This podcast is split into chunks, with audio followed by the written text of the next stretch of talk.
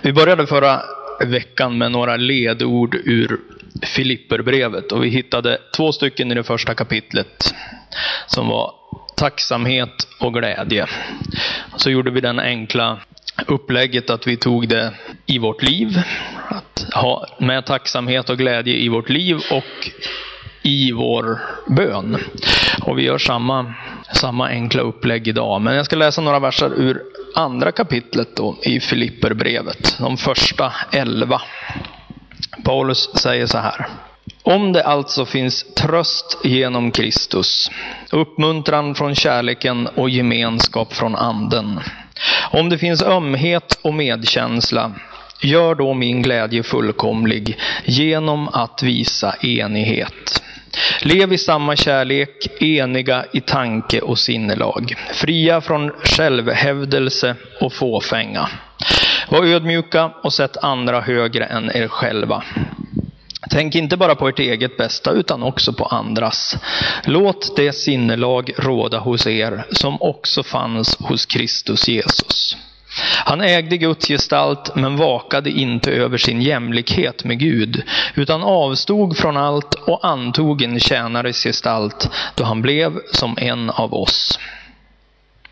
När han till det yttre hade blivit människa gjorde han sig ödmjuk och var lydig ända till döden, döden på ett kors. Därför har Gud upphöjt honom över allt annat och gett honom det namn som står över alla andra namn för att alla knän ska böjas för Jesu namn. I himlen, på jorden och under jorden och alla tungor bekänna att Jesus Kristus är Herre, Gud Fadern till ära.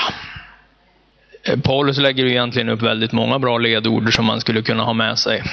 Här i början han talar om, eh, ja, vad säger han, ömhet, medkänsla, enighet, många goda ord.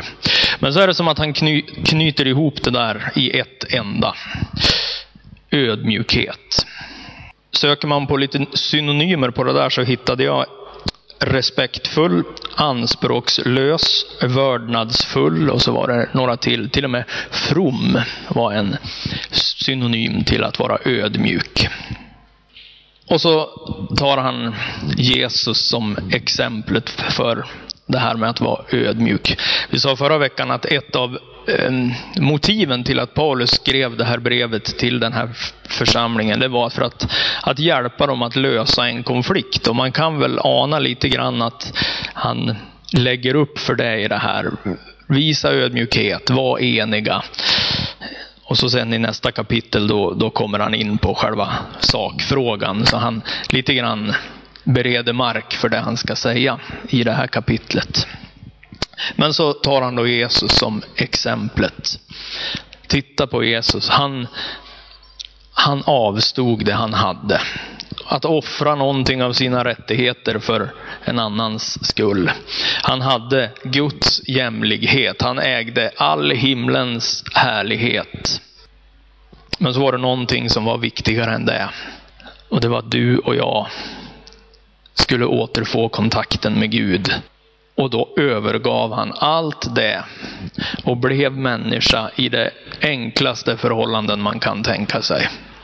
För din och min skull. Exemplet på ödmjukhet. Och så säger han alltså, och så var han lydig, till och med ända fram till döden på korset. Så egentligen så eh, sätter ju Paulus upp en par synonymer till till ödmjukhet i det där, i det där stycket. Att offra någonting för andras skull är också ödmjukhet. Att vara lydig är också ödmjukhet. Om vi gör den där enkla punkten då, att ta ner det i vårt, i vårt eget liv. Så skulle jag först vilja säga det här självklara. Att eh, ja, men ödmjukhet är, är självklart. Alltså i en gemenskap. Vi, det, jag tror ingen av oss som läser det här får någon större aha-upplevelse och tänker jaha, det, det, behövs ödmjukhet i en god gemenskap för att få den att fungera. Är det så det är? Utan det är ganska självklart för oss. Vi, vi känner till det och vi vet det. Att kunna säga att ja men dina tankar får gå före hur jag har tänkt det den här gången. Din, din lösning på problemet, det får... Vi, vi, vi går på den linjen. Även om man kanske ibland då tycker att man själv har en bättre lösning, eller hur det var. Att man sätter andras bekvämlighet kanske ibland före sin egen och allt det här. Ganska självklara bitar. Och ändå, för det andra, det besvärliga med ödmjukheten. För hur självklart det än är så tror jag vi alla känner igen oss i att ibland är det besvärligt. att ödmjuka sig under någon annans tankar och vilja också. Vem har inte frestats att använda den här väldigt sköna frasen att ta till. Om man då väldigt ödmjuk och stort har sagt att ja, men vi gör det på ditt sätt. Det, det blir bra, vi gör det på ditt sätt. Och så går det inte riktigt som man har tänkt. Och så sitter man och får klämma på den där och smacka till. Ja, vad var det jag sa? skulle nog ha gått på min lösning ändå. Och så har man varit ödmjuk en bit åtminstone när det var och låtit låta en annans lösning gå före och så sen så ramlar man på målsnöret. Ödmjukhet behövs i en gemenskap människor emellan. Paulus påminner om det, men nu är det väl så. Jag tror att vi, både du och jag, behöver öva oss på det. Då säger ju någon ibland, ja men vi kör på min linje då så får du öva dig i ödmjukhet. Det är ju också ett sätt. Eh, men jag tror vi, vi behöver, vi känner igen oss i det där lite till mans. Va? Vi behöver kanske öva oss på det. För det tredje skulle jag vilja kort säga att det finns en fara i ödmjukheten. Eller åtminstone det där som liknar ödmjukhet. För det där som liknar ödmjukhet kan vara ett jättebra gömställe. Gömställe från att kliva in i, i, i ansvar eller en, någonting och säga att nej men du vet det där, det är, andra är bättre på det där. Det kan till och med vara ett gömställe att kliva in i det som Gud har tänkt för våra liv. Bibeln talar om att, vi, att Gud vill leda oss in i situationer och lägen som han har förberett. Och ibland tror jag att vi svänger undan de där och klär på oss den där, ehm, ja det som liknar ödmjukhet. Nej men inte kan väl jag. Det där är någon annans uppgift. Och så går vi miste om det som Gud har tänkt för oss. Och det är svårt att klandra det där, för ödmjukhet är ju något fint. Så det vill man ju inte kliva på, va? eller säga att du ska inte vara så. Men ibland så tror jag att det som verkar vara ödmjukhet hos oss, om jag tittar på mig själv, egentligen bara en omskrivning för, för rädsla och feghet Ibland är det omskrivning på ovilja och åtminstone i mitt fall så är det ibland lite snyggare omskrivning på ren och skär lathet. Ja, men det där är någon annan bättre på att ta. Låt dem göra det. Men så finns det en vinst i ödmjukheten också. Jesus som det stora exemplet på ödmjukhet, som sagt. Men i den berättelsen, eller i det som Paulus skissade där, så säger han ju att i slutändan blev det en vinst. Han ödmjukade sig, men istället så blev han lyft över alla andra namn. Alla tungor ska bekänna att han är Herre. Alla knän ska böjas. Det går inte att komma högre. Ödmjukheten hade en vinst i slutändan på något vis. Ska man dra den parallellen rakt av så, så kan man ju bara säga att ja, men är jag bara ödmjuk nog länge så kommer jag till makten i slutändan. Då kan det ju bli lite, lite galet. Då är det ju nästan maktbegäret som driver och inte ödmjukheten. Eh, men fler bibelord är inne på samma linje. Ordspråksboken säger så här att Guds fruktan fostrar till vishet. Ödmjukhet är vägen till ära. Och Jesus själv säger i de här saligprisningarna i Matteus 5 så säger han att eh, saliga är de ödmjuka, det är de som ska ärva jorden. Så att ödmjukheten har en, en vinst i slutändan. Det talar Bibeln tydligt om. Ödmjukhet i att se andras bästa, sätta andra före, har sin belöning i att få se glädjen hos andra. Eller att se andra växa in i uppgifter och få vara med och leda in i uppgifter. Ett bra exempel tycker jag på det här med, med eh, ja, men att, att lära sig av andra i ödmjukhet, det är när vi samlas ekumeniskt eller våra kyrkor emellan så här va? församlingar.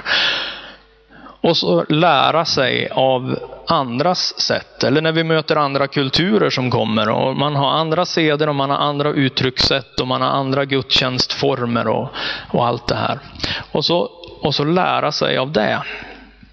Och se att ja, men Gud kan faktiskt finnas också i det här sättet att fira gudstjänst. Gud kan möta mig i det här sättet att tala. Det behöver inte vara som jag alltid har, har hört. Andlighet kan vara något annat än det jag alltid är van att lyssna efter. Och så blir på något vis Gud större än, än det jag hade satt honom i. Idag ska vi som sagt ta tid att be och, och Petra ska, ska som sagt leda oss i det i lite små bönegrupper och jag tror vi ska kunna få röra oss lite runt i kyrkan här också. Det kanske är en övning för oss idag. Både i att, i att be konkret, men också i en ödmjukhet att eh, ta ett direktiv och genom det upptäcka att ja, men Gud kan möta på det här viset. Även om det inte ser ut som det gör varje söndag när vi möts till, till gudstjänst. Ödmjukhetens belöning på något vis. Att se att cirkeln är större än det jag trodde. Bilden är större. Tavlan är större. Gud är större. Därför att man lär av varandra, man lär av andra. Några ord också om ödmjukheten i bön. Och inte bara då det där som jag var inne på nu, att man lär sig av att ödmjuka sig under andras sätt att, eller andras former.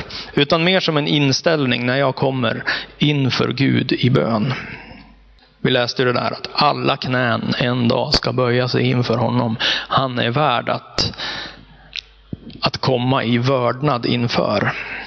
I en av förmiddagsbönesamlingarna vi hade under den här veckan så läste vi från Predikaren kapitel 5. Första verserna där står det så här. Var inte för snar att tala. Säg inget förhastat inför Gud. Han är i himlen och du är på jorden. Låt därför dina ord vara få. Kanske inte alltid riktigt vi tänker så när vi sätter oss och ber.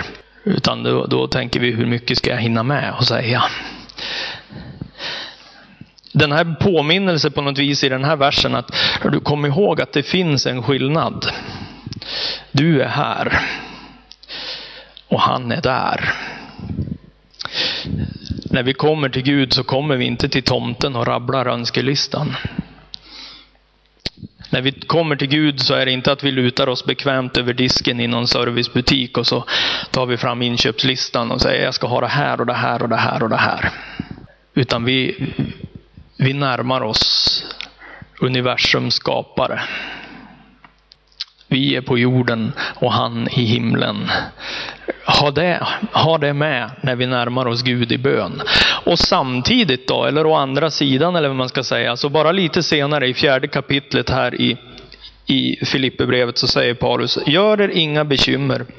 Utan när ni åkallar och ber, tacka då Gud och låt honom få veta alla era önskningar. Då är det ju nästan som man säger, rabbla önskelistan ni.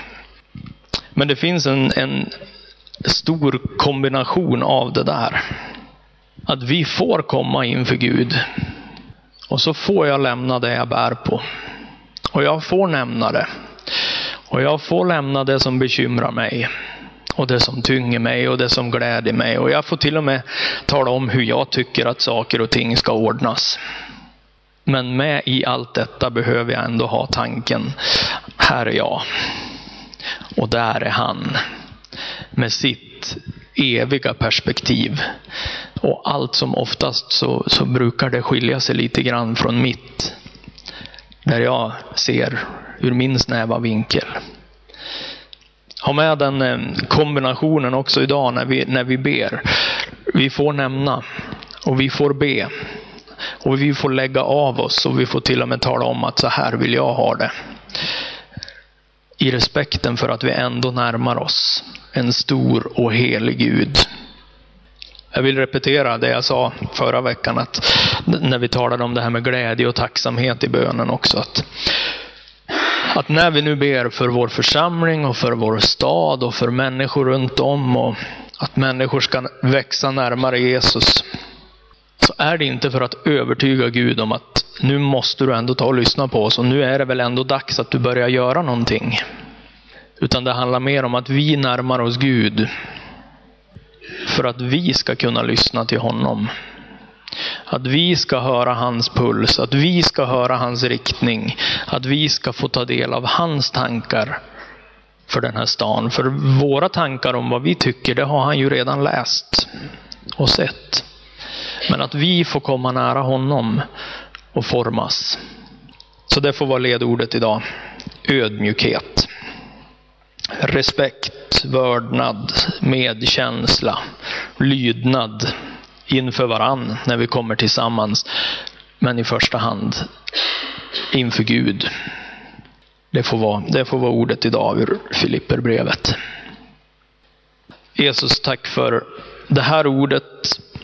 Tack för möjligheten att komma inför dig den här förmiddagen och, och få lämna av oss och säga vad vi tycker och vad vi tänker och det som bekymrar oss. Men tack ännu mer för, för storheten i att få komma nära dig, du som har ett, ett stort och evigt perspektiv. Du som har ett långt perspektiv också framöver, vad du vill leda oss in i som församling och oss som enskilda. Och jag ber att vi i ödmjukhet idag ska få lyssna in och känna in vad du har för tankar. För den här församlingens inriktningen. För den här stan. Också om några år framöver. Och att vi får liksom redan nu vara där. Därför att du leder oss. Låt oss lyssna in. Hjälp oss lyssna in det. Tack att vi får ha dig som exemplet. Och tack att vi får följa dig. Amen. Amen.